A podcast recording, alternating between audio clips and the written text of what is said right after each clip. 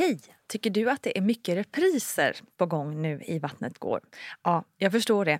Det beror helt enkelt på att jag, Nina Campioni, just nu har en pop-up second hand i Modgallerian i Stockholm. Så min tid räcker helt enkelt inte tid att göra så många avsnitt som jag hade önskat. Men tills jag är tillbaka på full tid, kom gärna och hälsa på mig i Modgallerian. Vi ses! Hej kära du! Alltså wow! Nu är det verkligen, verkligen på allvar. Jag, är Nina Campioni, presenterar nu stolt detta nya tillskott till Vattnet går-familjen, nämligen Barnet går. Haha, ni måste väl ändå ge mig lite cred för detta härliga rim. Eller vet ni vad? Ni ska faktiskt ge cred till mammagruppen på Facebook. För det var nämligen därifrån som jag fick det här excellenta namnet. Så tack alla ni i mammagruppen för hjälpen med det här. Barnet går alltså. Och syftet med det här tillskottet i din poddfil är såklart att veta mer om vad som händer efter att ditt barn har fötts. Ni vet, i vanliga Vattnet går så pratar vi ju på bredden och djupet och höjden och allt om precis allt som sker fram tills att bebisen är född. Och sen slutar vi liksom lite abrupt. Så därför kommer nu familjen in och ställer alla frågor vi febrilt undrar över när vi blivit föräldrar. Upplägget är lite detsamma. Det är jag, Nina, en gäst och en expert. Experten kan variera beroende på vilket ämne som vi pratar mest om i samtalet, men mer om det framåt. Det kommer också, precis som i fallet med Gudrun Abascal, bli frågepoddar med poddens experter. Så fortsätt att skicka frågor. Okej, det kanske låter mycket och rörigt nu, men jag hoppas så att det här ska bli kalas för oss alla. Och återkom gärna med feedback via Instagram och Facebook så jag vet vad som kan förbättras och eller om ni gillar eller inte gillar detta nya upptåg som jag kommit på. Okej, först ut i denna nya serie är kriminologen och debattören Nina Rung. Och nu blir det snack om nappar, om eftervård och om hur man egentligen ska prata med barn. Så spännande. Nu kör vi! Quality sleep is essential for boosting energy, recovery, and well-being. So, take your sleep to the next level with Sleep Number. With a Sleep Number smart bed, you can individualize your comfort level and enjoy a better sleep night after night. JD Power ranks Sleep Number number 1 in customer satisfaction with mattresses purchased in-store. And now the Queen Sleep Number C4 smart bed is only $1,599, a saving of $300 only for a limited time. For JD Power 2023 award information, visit jdpower.com/awards. Only at Sleep Number stores or sleepnumber.com. Hey, I'm Ryan Reynolds. At Mint Mobile, we like to do the opposite of what Big Wireless does. They charge you a lot, we charge you a little. So naturally, when they announced they'd be raising their prices due to inflation, we decided to deflate our prices due to not hating you. That's right. We're cutting the price of Mint Unlimited from $30 a month to just $15 a month. Give it a try at mintmobile.com slash switch. $45 upfront for three months plus taxes and fees. Promo rate for new customers for limited time. Unlimited more than 40 gigabytes per month. Slows. Full terms at mintmobile.com. Du har en ganska stark filosofi kring det här med hur vi, eh, hur vi är med våra barn. På olika sätt. Kan inte du berätta hur du tänker? Alltså kanske är det för att jag jobbar med att bryta normer. Det är ju mitt jobb på olika sätt. Alltså skadliga maskulinitetsnormer eller normer kring olika former av övergrepp eller våld och så. Jag vet inte om jag har en extra benägenhet för det. Men, men jag har innan jag fick barn eh, undrat så här, måste man göra på det där sättet? Eh, Måste man ha vagn? Måste man ha napp? Måste man, när barn blir ledsna, börja peka ut andra saker som man tittar på? Måste man hota barn genom att säga om inte du slutar upp nu så kommer vi gå hem eller så kommer du inte få den här glassen till middagen eller vad det nu kan vara. Måste man göra på det sättet? Liksom? Så att när jag väl fick barn så var jag ganska så säker på att så här, nej men, jag tror inte riktigt på de där grejerna. det finns ju en anledning till, tänker jag, att napp kallas för pacifier. Alltså något, någonting som liksom passiviserar oss. Det finns ju viss forskning som visar på att man eventuellt pratar senare med napp och så finns det vissa som hävdar att man inte ja, gör det. Men, men eh, det är väl inte så konstigt tänker jag om det skulle vara så eftersom du har någonting i munnen eh, hela tiden. Och jag tycker också att det, det jag upptäckte när mitt barn gick på förskolan var ju att det blev också en väldig kamp med den där nappen nappen. Alltså att föräldrarna som ju har gett barnet nappen från början sen säger så här, nu måste du spotta ut nappen, ta ut nappen. Och så blev det liksom en, en jättejobbig stund för barnet på förskolan för att den var tvungen att lämna ifrån sig sin napp. Och så fick den höra så här, ah, du, du får tillbaka den sen när jag kommer. Liksom. Att det är så här, men vänta nu, för vems skull gör vi det här med napp? Och hur kan det sen bli någonting dåligt för barnet? För jag tänker att det, det vi Alltså, det är ju ingen som sätter en napp i sitt barns mun för att vara elak. Det, Nej, det måste vi också inte. komma ihåg. Man gör ju det för att dels så gör ju de allra flesta det, så det är ju en norm. Eh, men också så här, ja men man får lära sig från BVC. Alltså det finns ju väldigt många som säger Absolut. att så här, ja, men kör napp. Liksom. Napp kommer hjälpa. Napp kommer liksom... Eh, och jag tänker att alltså, nu säger inte jag så här, och det vill jag vara tydlig med, att så här, napp är aldrig bra. Utan det finns absolut säkerligen både liksom, familjer där det passar jättebra och för barn och sådär. Men jag ifrågasatte det i alla fall. För jag tänkte att så här, okej, eh, för vad är det vi gör? Vi stoppar alltså en plastbit i munnen på våra bebisar. Ehm, när de ehm, kanske har behov av något helt annat. Och det är väl det de som vill har- säga något. Liksom. Typ. Alltså, och, och, och det är väl också kopplat till hur jag ser på gråt. Alltså, jag har inte undvikit gråt. Utan jag ser gråt som ett sätt för barn att få ur sig stress. Ett sätt för barn att ehm, lätta på saker som händer i dem. Alltså om man tänker sig, säg en, vi tar en ettåring som exempel. Som kanske precis håller på att lära sig gå. Förstå hur många frustrationsstunder det finns i det barnets dag. Där den så här, jag kan nästan gå. Eller jag ramlar hela tiden. Jag vill nå en sak. Ingen fattar att jag säger att jag vill ha just den där grejen. Ehm, eh, jag får inte liksom, ta saxen, för det säger mamma att jag inte får. Alltså, det finns ju så mycket saker där vi säger nej, hoppla, nej, så här, för att liksom, skydda barn. Eh, men då tänker man att förstå all den frustrationen som byggs upp under bara en dag. Och om du sen försöker få ur dig den här stressen, för vi vet att man kan mäta så kortisol i tårar, så vi vet att man, det är så man får ut stress till exempel. Eh, om barnen inte får möjlighet att göra det, utan man istället tänker att ah, men gråt, det ska de inte behöva. Eller så här, utan vi ger dem napp eller vi ger dem någon snuttefilt eller någonting som de ska känna sig trygga med eller sluta gråta. Och, eh, så bara pockar vi ju på det där. Till slut så kommer det ju, alltså stressen måste ut på något Mm. sätt och då kanske istället blir superstora, att en, barnet börjar skrika åt någonting som vi tycker så här, men hur kan du ens börja eh, skrika åt det här? Och så kanske vi bannar barnet för det. Och så här, Mm. nej men nu får du skärpa dig. Så barnet får ingen chans att uttrycka frustrationen, stressen. Och det tycker jag har varit liksom problematiskt eh, utifrån hur jag har sett kring, kring napp. Intressant.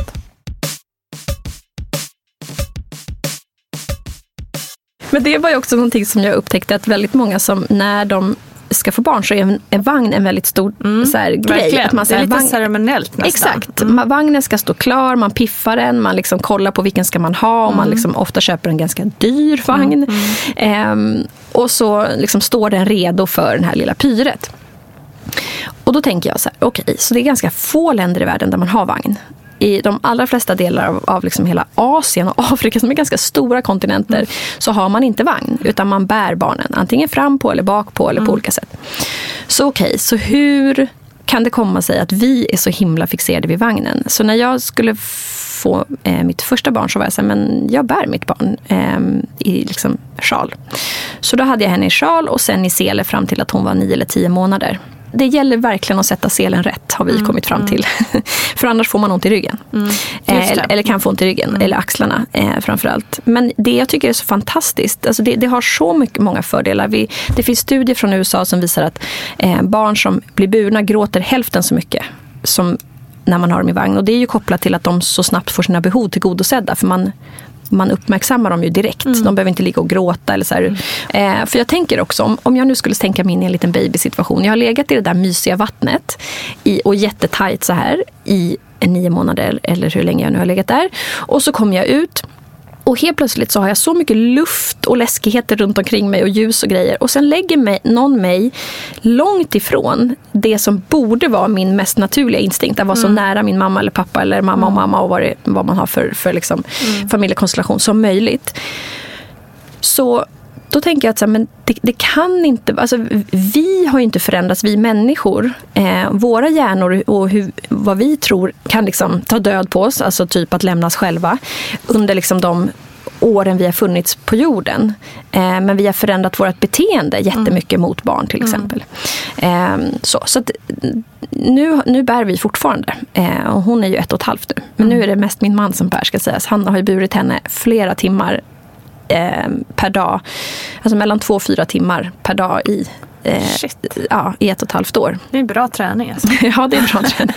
Så, så det är ju ehm, det är ett annat sätt. Det, det ger oss liksom trygghet för vi ser alltid hur hon har mm. det och det ger henne ehm, trygghet. Hela liksom. tiden närhet. Det måste ju vara heaven ja. egentligen, tänker man, för en liten bebis.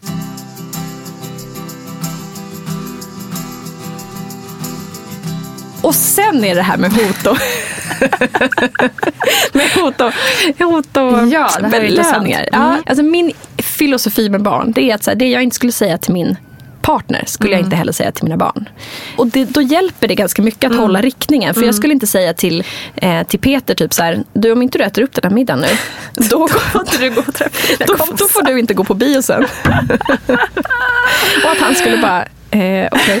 För det som händer och det som jag tror att vi glömmer ibland, vi vuxna, det är att alltså barnen de är ett sånt ofantligt maktunderläge. De, en fyraåring, en sexåring kan inte säga så här, vet du vad, jag gillar inte ditt sätt att hantera den här situationen så jag schappar, ja. hej. Medan en partner kan ju det. Eh, kanske är det därför vi också har mer respekt för en partner, mm. för den kan välja att gå. Mm. Men barn kan inte det. Så att om vi börjar liksom hotas. Eh, och, och det är en stor skillnad på konsekvens och hot. Alltså om man säger så här, den här maten behöver du äta upp för att du ska kunna växa. Så om du inte äter av den här maten tillräckligt mycket, då kan vi faktiskt inte äta socker för då kommer det bli knas i din. Det är en konsekvens, det är inte ett mm, hot. Mm, mm. Men att däremot säga, om du inte äter nu så får du ingen efter. Alltså att man, att man, alltså mm. barnet är i ett sånt maktunderläge så du, du behöver inte använda dig av liksom den typen av maktspråk. Eh, och har du varit liksom lyhörd, lyssnat på dina barn eller ditt barn och det den liksom önskar så kan du också förklara att så här, så här funkar det nu. Jag kommer inte köpa en glass idag. Men vill du visa vilken glass du helst av allt skulle vilja ha. Då har man ändå förstått att barnet mm, vill verkligen precis. ha glass. Den kan få visa att så här, jag vill ha Spirello. Men idag kommer det inte bli en Spirello. Men det mm. kanske blir en annan mm. dag. Eh, Man sätter premisserna. Liksom. Ja men precis. Mm. Och, ja, men dels behöver vi förstå vår liksom, position, eh, alltså i förhållande till barnen. Eh, men också eh, att vi behöver förklara på ett bättre sätt. Om någon sa till mig så här, nej, då hade jag bara, varför inte? Mm, mm. Men om man istället säger så här, nej därför att jag vill inte köpa en glass. Det kan faktiskt räcka med det. Jag vill inte köpa en glass idag. Eller jag vill inte ge dig socker idag eller vad det nu kan vara. Det finns ju massa olika anledningar. Eller jag har inte pengar. Jag har inte råd att köpa allt som du vill ha i den här affären. Jag förstår att du vill ha jättemycket saker här. Eh, men det går inte. Eh, så. Så, så tänker jag att då har man istället ett samtal och det kan man ha ganska tidigt med barn. Alltså, de förstår ju faktiskt. Mm.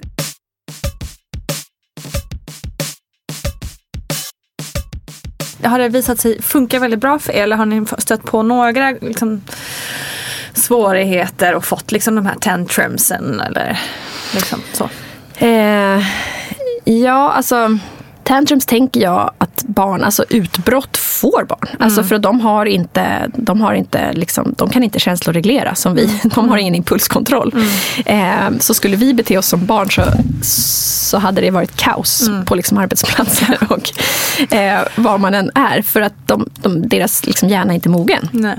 Så, det, så kommer det vara. Och då tänker jag att då är det istället så här, att försöka lyssna efter vad är det egentligen som personen nu, eller barnet nu ligger på golvet och skriker om. Mm. Eh, är det verkligen, som i den här boken Tears and Tantrums som jag verkligen skulle önska att alla läste. Då, då finns det ett fenomen som kallas för the broken cookie syndrome. Som alltså ett barn då som ska ta den sista kakan och så är den bruten. Mm.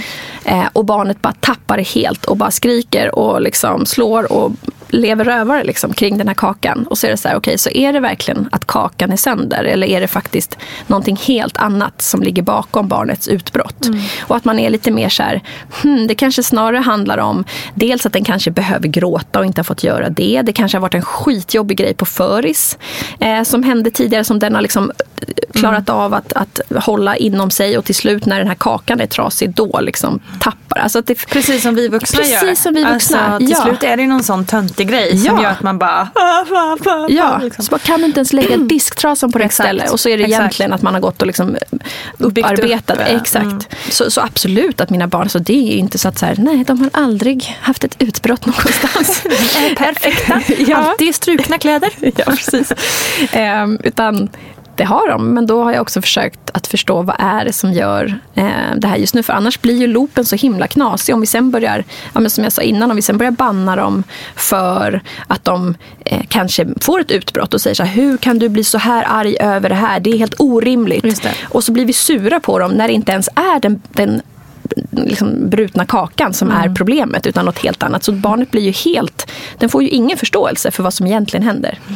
För ofta kan det ju också vara att man bara är så här själv trött och stressad och bara "Ugh", Ja. liksom. Och då blir det det enkla redskapet att dra till. Exakt. Eh, och det får man ju liksom, och, och det är inte så här, gör man det en gång, herregud. Men jag menar om man liksom hela tiden, att det blir barnets förståelse. Liksom. Ja. Så Manja, nu är hon ju tio, kan ju vara så här, men gud hörde du hon hotade sitt barn? Alltså hon är ju väldigt vaksam för att vi har pratat så mycket om att så här, vi hotas inte. Det är liksom inte ett sätt vi pratar med varandra på. Eh, så. så jag skulle önska att man i alla fall kanske kunde fundera på att göra på ett annat sätt.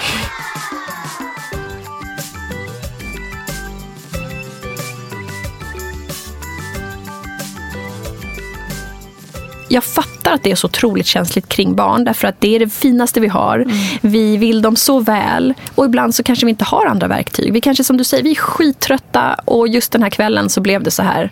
Ja, och så blev det så. Då kan man alltid prata med barnet efteråt. Då kan man säga så här, vet du det här jag gjorde igår. Jag vill inte göra så. Det känns inte bra. Eh, så jag, jag vill be om ursäkt för det. Det är ju inte att visa sig svag, det är att visa sig mänsklig. Eh, och det är vi ju.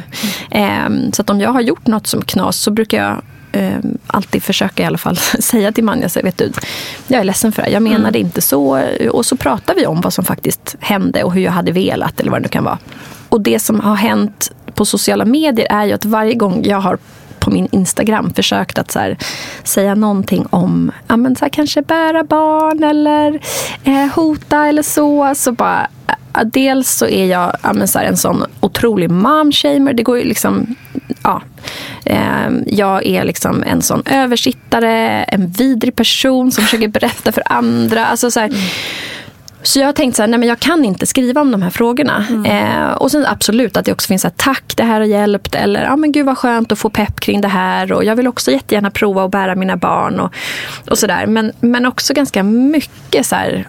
Eh, hur fan kan du säga att jag ska bära mitt barn? Jag har haft ont i ryggen sedan jag födde barn. Och det är så här, men jag säger inte att du ska. Jag pratar på ett strukturellt plan så tycker jag att det är intressant att ifrågasätta normerna som är så tydliga. Att vi liksom ska ha en liksom, napp och barnvagn till exempel. Att det är så otroligt tydligt. Att vi tror på trots. Jag tror inte på trots. Jag, jag, liksom, jag upplever det snarare som att barn får en ökad medvetenhet om sin, sin vilja och frihet och vill testa det.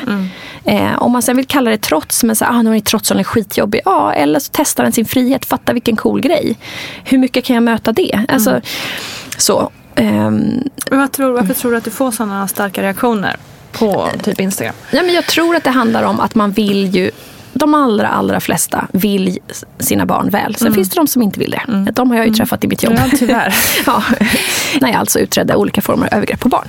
Ehm, eller våld mot barn. Men, men de allra flesta vill ju eh, sina barn väl. Och, och därför så tror jag att det blir så otroligt smärtsamt att någon säger du har gjort fel. Ja. Du, eh, och det är inte det jag säger men det är så man uppfattar det. Mm, det är så man Eh, läser det, Ja liksom. men precis. Och då blir det så här, då vill man försvara sitt val. Eh, och också just det här med att så här, ja men det är ju det är ju skönare och lättare att använda napp till exempel än att engagera sig och verkligen så här, låta barn gråta i ens famn och ge dem trygghet att gråta. Det är, det är liksom ett helt annat avsnitt. Eh, för det tar alldeles för lång tid att beskriva här. Men, men det tar mycket mer energi. Eh, det är samma sak med att beskriva och för, förklara istället för att säga om du inte gör så här så får du. Alltså det tar mer. Och alla kanske inte är villiga att göra det. Eh, eller har möjlighet att göra det. Och då blir det också väldigt smärtsamt. Så, så, så jag tror att det är kopplat till det. Vi vill väl och så tycker vi att någon säger minsann att jag gör fel och då vill man försvara det. Men det är Men när vi köper en hund till exempel så läser vi på om hunduppfostran. Vi kanske läser en bok om hur vi ska göra. Vi går på hundkurs. Mm. Och vi tar liksom till oss av så vad folk säger. Aha, okay, forskning visar att man ska inte straffa hundar utan det har visat sig att man ska bara belöna positiva beteenden till exempel. Men sen så kommer det till barn och då är det som att så här, nej du vet bäst. Man bara, mm. nej det kanske du faktiskt inte gör. Därför att det finns forskning, det finns eh, olika experter som faktiskt kan säga att så här, nej men så här är faktiskt det bästa för barn. Sen behöver inte du välja det, men jag vill att alla ska åtminstone typ eh, gå en hundkurs eh, i liksom mm, barn... Ja, men typ. precis. Mm. Att det skulle finnas något lite mer så här, än att man bara tror på allas inneboende förmåga. Mm, mm. eh, för alla har inte den förmågan, så är det. Och vissa har den jättelite och då blir det jätteknas för barnen. Och det är otroligt många barn som lever i hem där det är knas. Mm. Eh, så så att, eh, jag skulle verkligen önska att vi gjorde mer för att preppa föräldrar eh, inför vad som komma ska, liksom, för barnens skull. Yes allesammans, det där var Nina Rung och hennes tankar om barn och världen vi lever i. Nu över till min kära expert, nämligen Paulina Gunnardo som är beteendevetare, utbildad på mastersprogrammet i psykologi. Hon har tidigare arbetat inom förskolan och som konsult och forskningsassistent i projekt om barns utveckling. Numera arbetar hon med Ditt barn och du, föreläser och skriver om barns utveckling, barns rättigheter graviditeter och föräldraskapet. Hon är också mamma till två flickor och bosatt i Stockholm. Så låt oss se vad hon tycker om Ninas tankar.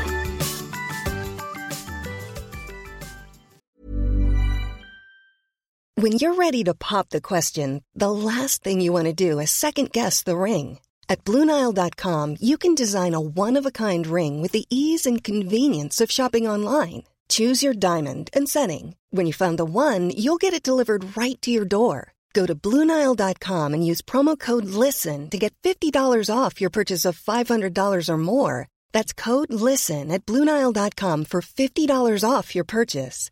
Bluenile.com code LISTEN. Quality sleep is essential for boosting energy, recovery, and well being. So take your sleep to the next level with Sleep Number. With a Sleep Number smart bed, you can individualize your comfort level and enjoy a better sleep night after night. JD Power ranks Sleep Number number 1 in customer satisfaction with mattresses purchased in-store. And now the Queen Sleep Number C4 smart bed is only $1,599, a saving of $300 only for a limited time. For JD Power 2023 award information, visit jdpower.com/awards. Only at Sleep Number stores or sleepnumber.com. Hey, I'm Ryan Reynolds. Recently, I asked Mint Mobile's legal team if big wireless companies are allowed to raise prices due to inflation. They said yes. And then when I asked if raising prices technically violates those onerous two-year contracts, they said, "What the f*** are you talking about? You insane Hollywood ass." So to recap, we're cutting the price of Mint Unlimited from $30 a month to just $15 a month. Give it a try at mintmobile.com slash switch. $45 up front for three months plus taxes and fees. Promo for new customers for limited time. Unlimited more than 40 gigabytes per month. Slows. Full terms at mintmobile.com. Join us today during the Jeep Celebration event. Right now, get 20% below MSRP for an average of 15178 under MSRP on the purchase of a 2023 Jeep Grand Cherokee Overland 4xE or Summit 4xE. Not compatible with lease offers or with any other consumer incentive offers. 15,178 average based on 20% below average MSRP from all 2023 Grand Cherokee Overland 4xE and Summit 4xE models in dealer stock. Residency restrictions apply. Take retail delivery from dealer stock by 4 1. Jeep is a registered trademark. Varför pratar vi så lite om hur roligt det är med barn egentligen? Det känns som att det är mycket gnäll. Eller vad tycker du?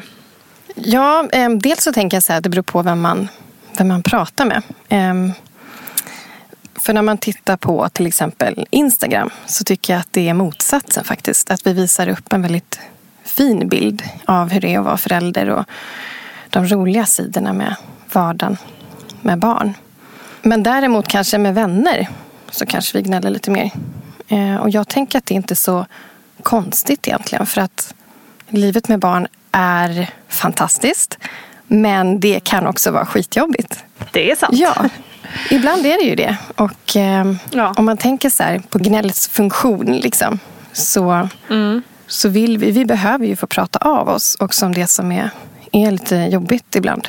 Och eh, så som livspusslet ser ut idag med tidsbrist och att man ska hinna med ganska mycket. Mm. Och man kanske kommer hem på eftermiddagen med barnen och de är också trötta efter en dag på förskola Mm. eller skola. Då kan det bli lite jobbigt och då blir det gnäll. Liksom. Ehm, men sen hörde jag en berättelse om, eh, det var en jättekänd violinist som stod och spelade en timme på något jättedyrt instrument eh, en timme i rusningstrafik. Och det var typ ingen som stannade och lyssnade. Det var ett gäng barn som hade velat Nej. stanna. Eh, men föräldrarna drog barnen vidare. Och då kan man fråga sig hur, varför blir det så här? Vad missar vi i vår Just vardag? Och om vi missar det här, det här kända stycket eh, med den här jättekända violinisten som, eh, där biljetterna kostar jättemycket eh, för att gå på en sån konsert. Vad missar vi då i vardagen med våra barn? Ja men verkligen. Gud vad, vad hemskt det lät. Ja, men eller hur? Ja, men jag tror faktiskt att det är en viktig tanke att ha med sig. Särskilt om det Ja. är så att vi tycker att det är mycket gnäll. Om det stämmer så får vi fråga oss varför. Och om det finns Precis. någonting. För man, man gnäller ju för att någonting inte är riktigt som man vill att det ska vara. Och hur vill vi då att det ska vara? Det känns som att förväntningar kan vara lite farliga Ja, emellanåt. och sen tänker jag också på uttrycket att den här föräldragenerationen är den mest ambitiösa någonsin. Och- Just det. Mm. Det är ju intressant. Ja, men eller hur?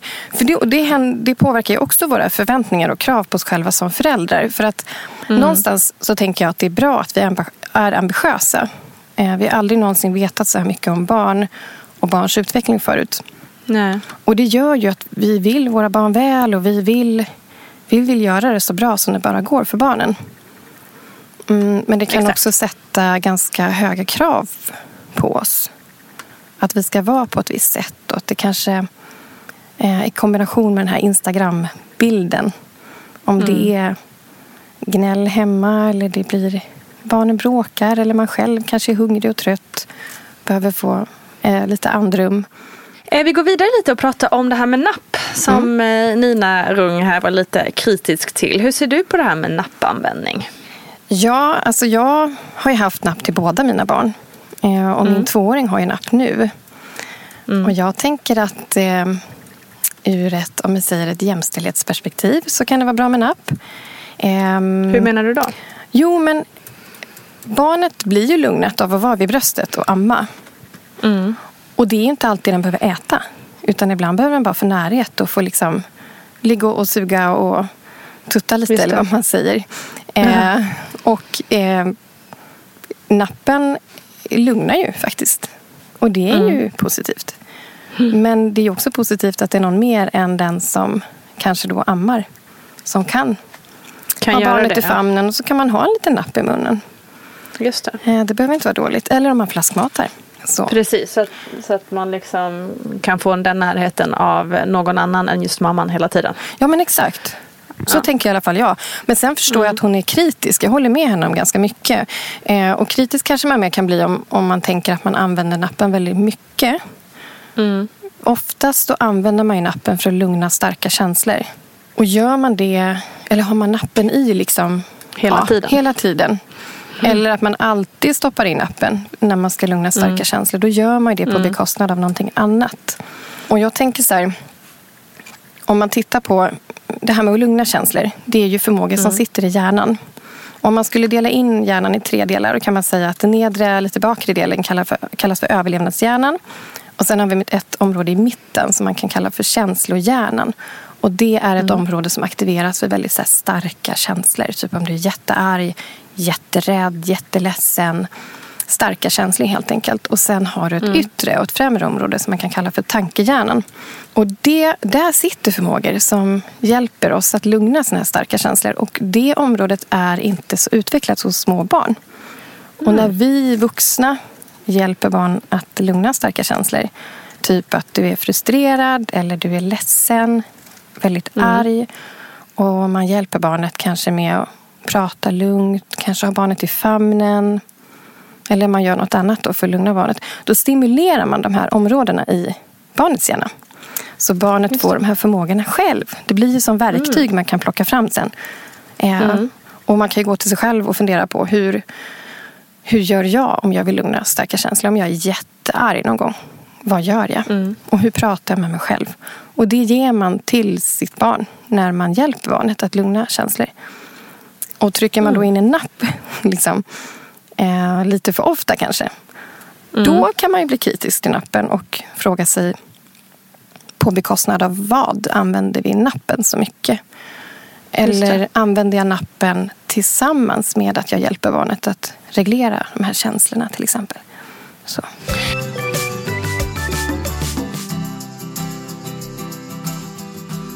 Nina pratar ju också mycket om att hon tycker att man ska prata till barn som om de vore vuxna människor egentligen och inte små barn.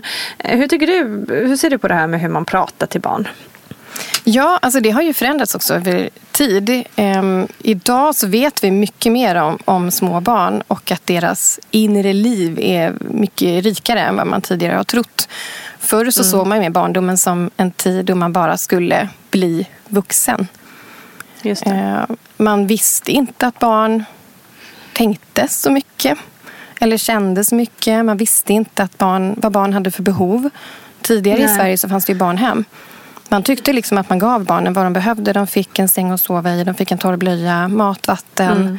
Och på barnhem har faktiskt barn själv dött för att de inte får omsorg. Liksom. Så idag vet vi mycket mer om barns inre liv. Att det finns tankar, det finns känslor. De har behov av omsorg för att utvecklas. Och det förändrar ju såklart vårt sätt att se på barn och hur vi pratar med barn. Eh, Man kan också säga så här att alltså varje vuxen människa har alla åldrar i sig. Alla barndomsåldrar i sig. I dig så finns ju du som är tre år. I dig så Ja, finns det. du som är fem år, som är tio år, som är 15 år, som är 30 år. Och så är det ju när vi möter barn. så De är ju jämlika individer precis som oss och värda precis lika mycket. Och barndomen har en jättestor betydelse för oss. Alltså för barndomen i sig själv. Det är inte bara för att man ska bli vuxen. Och de har ju dessutom rätt nu enligt barnkonventionen som har blivit svensk lag nu 1 januari 2020 att göra sin röst hörd och vara delaktiga i beslut. Så nu måste vi verkligen lyssna på barn och prata med barn. Som att de är liksom, inte ser dem bara som små kottar som, som ska hänga på. Utan Nej, att just det. faktiskt prata med dem, lyssna på dem och att de också ska få göra sin röst hörd. Och så kan man fråga sig varför skulle man inte göra det? Nej, nej. Nej. exakt. Ja. Nej, men verkligen. Det är väl också hur man ser på alltså, att man kan väl ändå så här tillskriva barn lite mer intelligens än vad man kanske många gånger gör. Att man Mm. får för sig att de inte förstår. Eller så här. De förstår ju så otroligt mycket mer än man kanske ofta tror. Nej, men så är det Eh, verkligen. Jag, som vi pratar ju ganska mycket om corona nu till exempel med Essie som eh, snart ska fylla sex. Mm. Hon, fattar ju, hon fattar ju redan nu att liksom, okej, nej, men jag kanske inte kan ha kalas och det beror ju på det här viruset och det är därför man måste tvätta händerna. Och man, alltså så här, hon förstår så mycket i det. Liksom. Ehm, och det tycker jag är ganska häftigt. Precis, de förstår ofta mycket mer än vad man tror. Och jag tänker också så här, när man ska lösa ett problem eller bara eh, man ska planera helgen till exempel hemma. Eh, barn kan ju ha jättebra idéer på hur man ska lösa en grej. Som man Eller som vuxen kanske inte har tänkt på.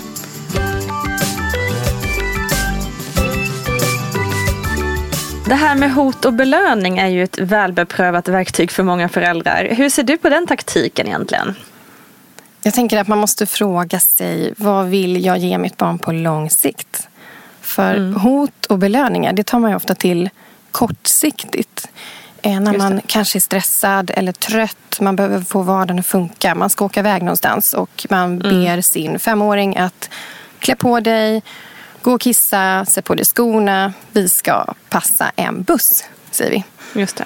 Då behöver vi liksom få det att funka och det behöver gå fort. Då hinner man kanske inte stå där och reflektera och analysera situationen och sådär. Och då blir det så himla lätt att vi tar till hot och belöningar. Men man behöver fråga sig vad vill jag på lång sikt? Vad vill jag att mitt barn lär sig på lång sikt?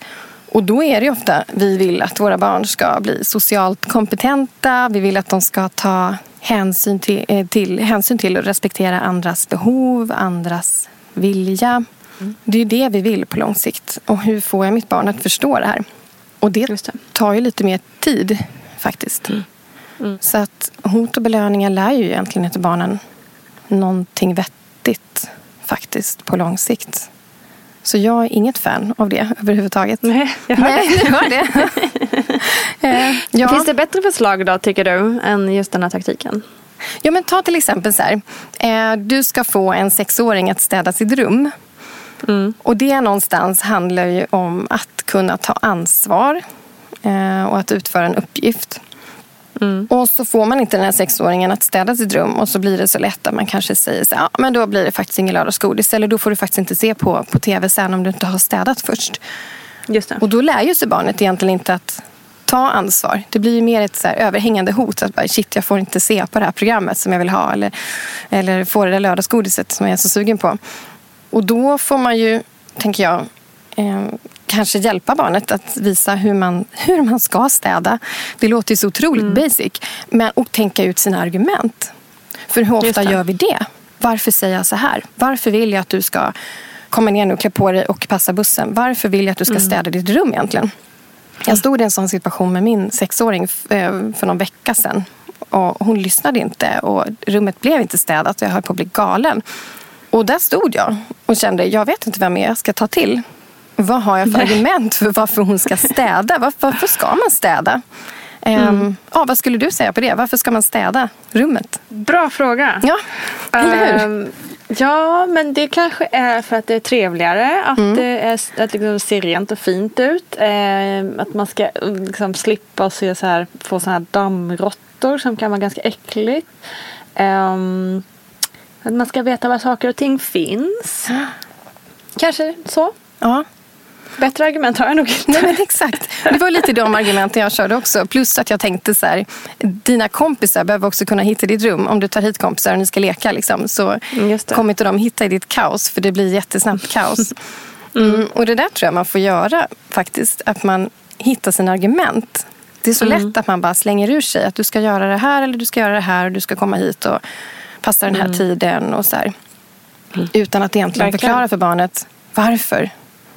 De är ju ganska Exakt. snabba med att fråga varför då? Varför ska jag städa mitt rum? Eller varför ska jag göra så? Eller vad, vad vill vi lära barnen på lång sikt? Vi vill lära barnen Mm. att kunna samarbeta i grupp. Jätteviktigt.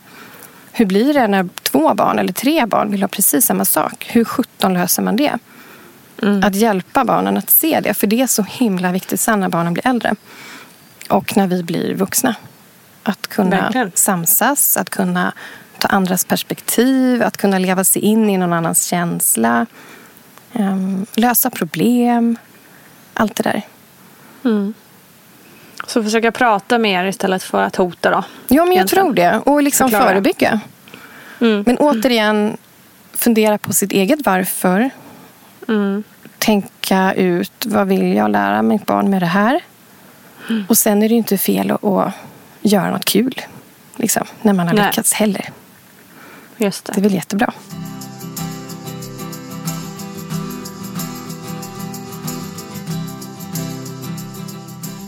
En sista fråga då. Eh, Nina pratade lite om det här att barnen får tantrums eller utbrott. Och det sker ju lite då och då. Såklart även för oss vuxna. Eh, hur, hur tycker du man ska handskas med det?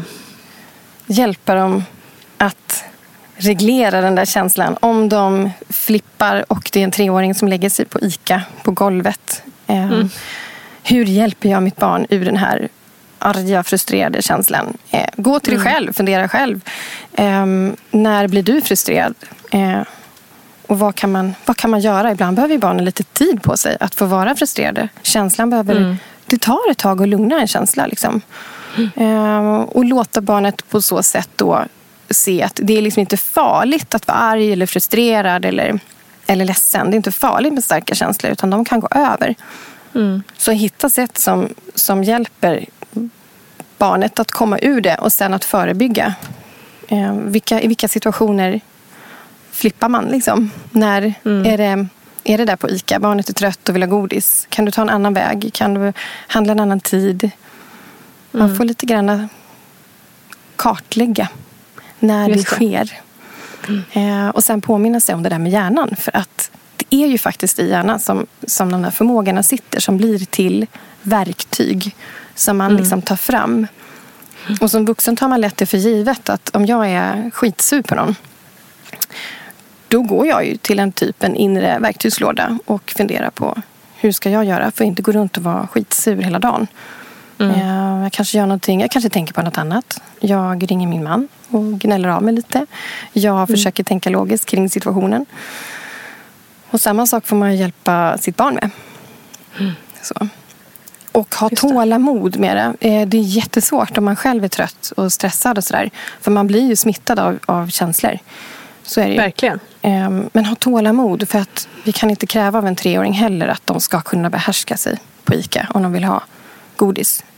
Utan det hör till Nej, precis. Deras natur. Det, det har jag tänkt på mycket. Att det, alltså, det har ju eh, verkligen hänt mig också. Men då, då, jag bara säga, men då får du, du får stå och skrika lite då. Mm. Då kan man måste också så här, skita lite om folk runt omkring blir mm. irriterad. För det ja, är bara så här, de är bara, han är bara tre år ja. eller vad det nu kan vara. Ja.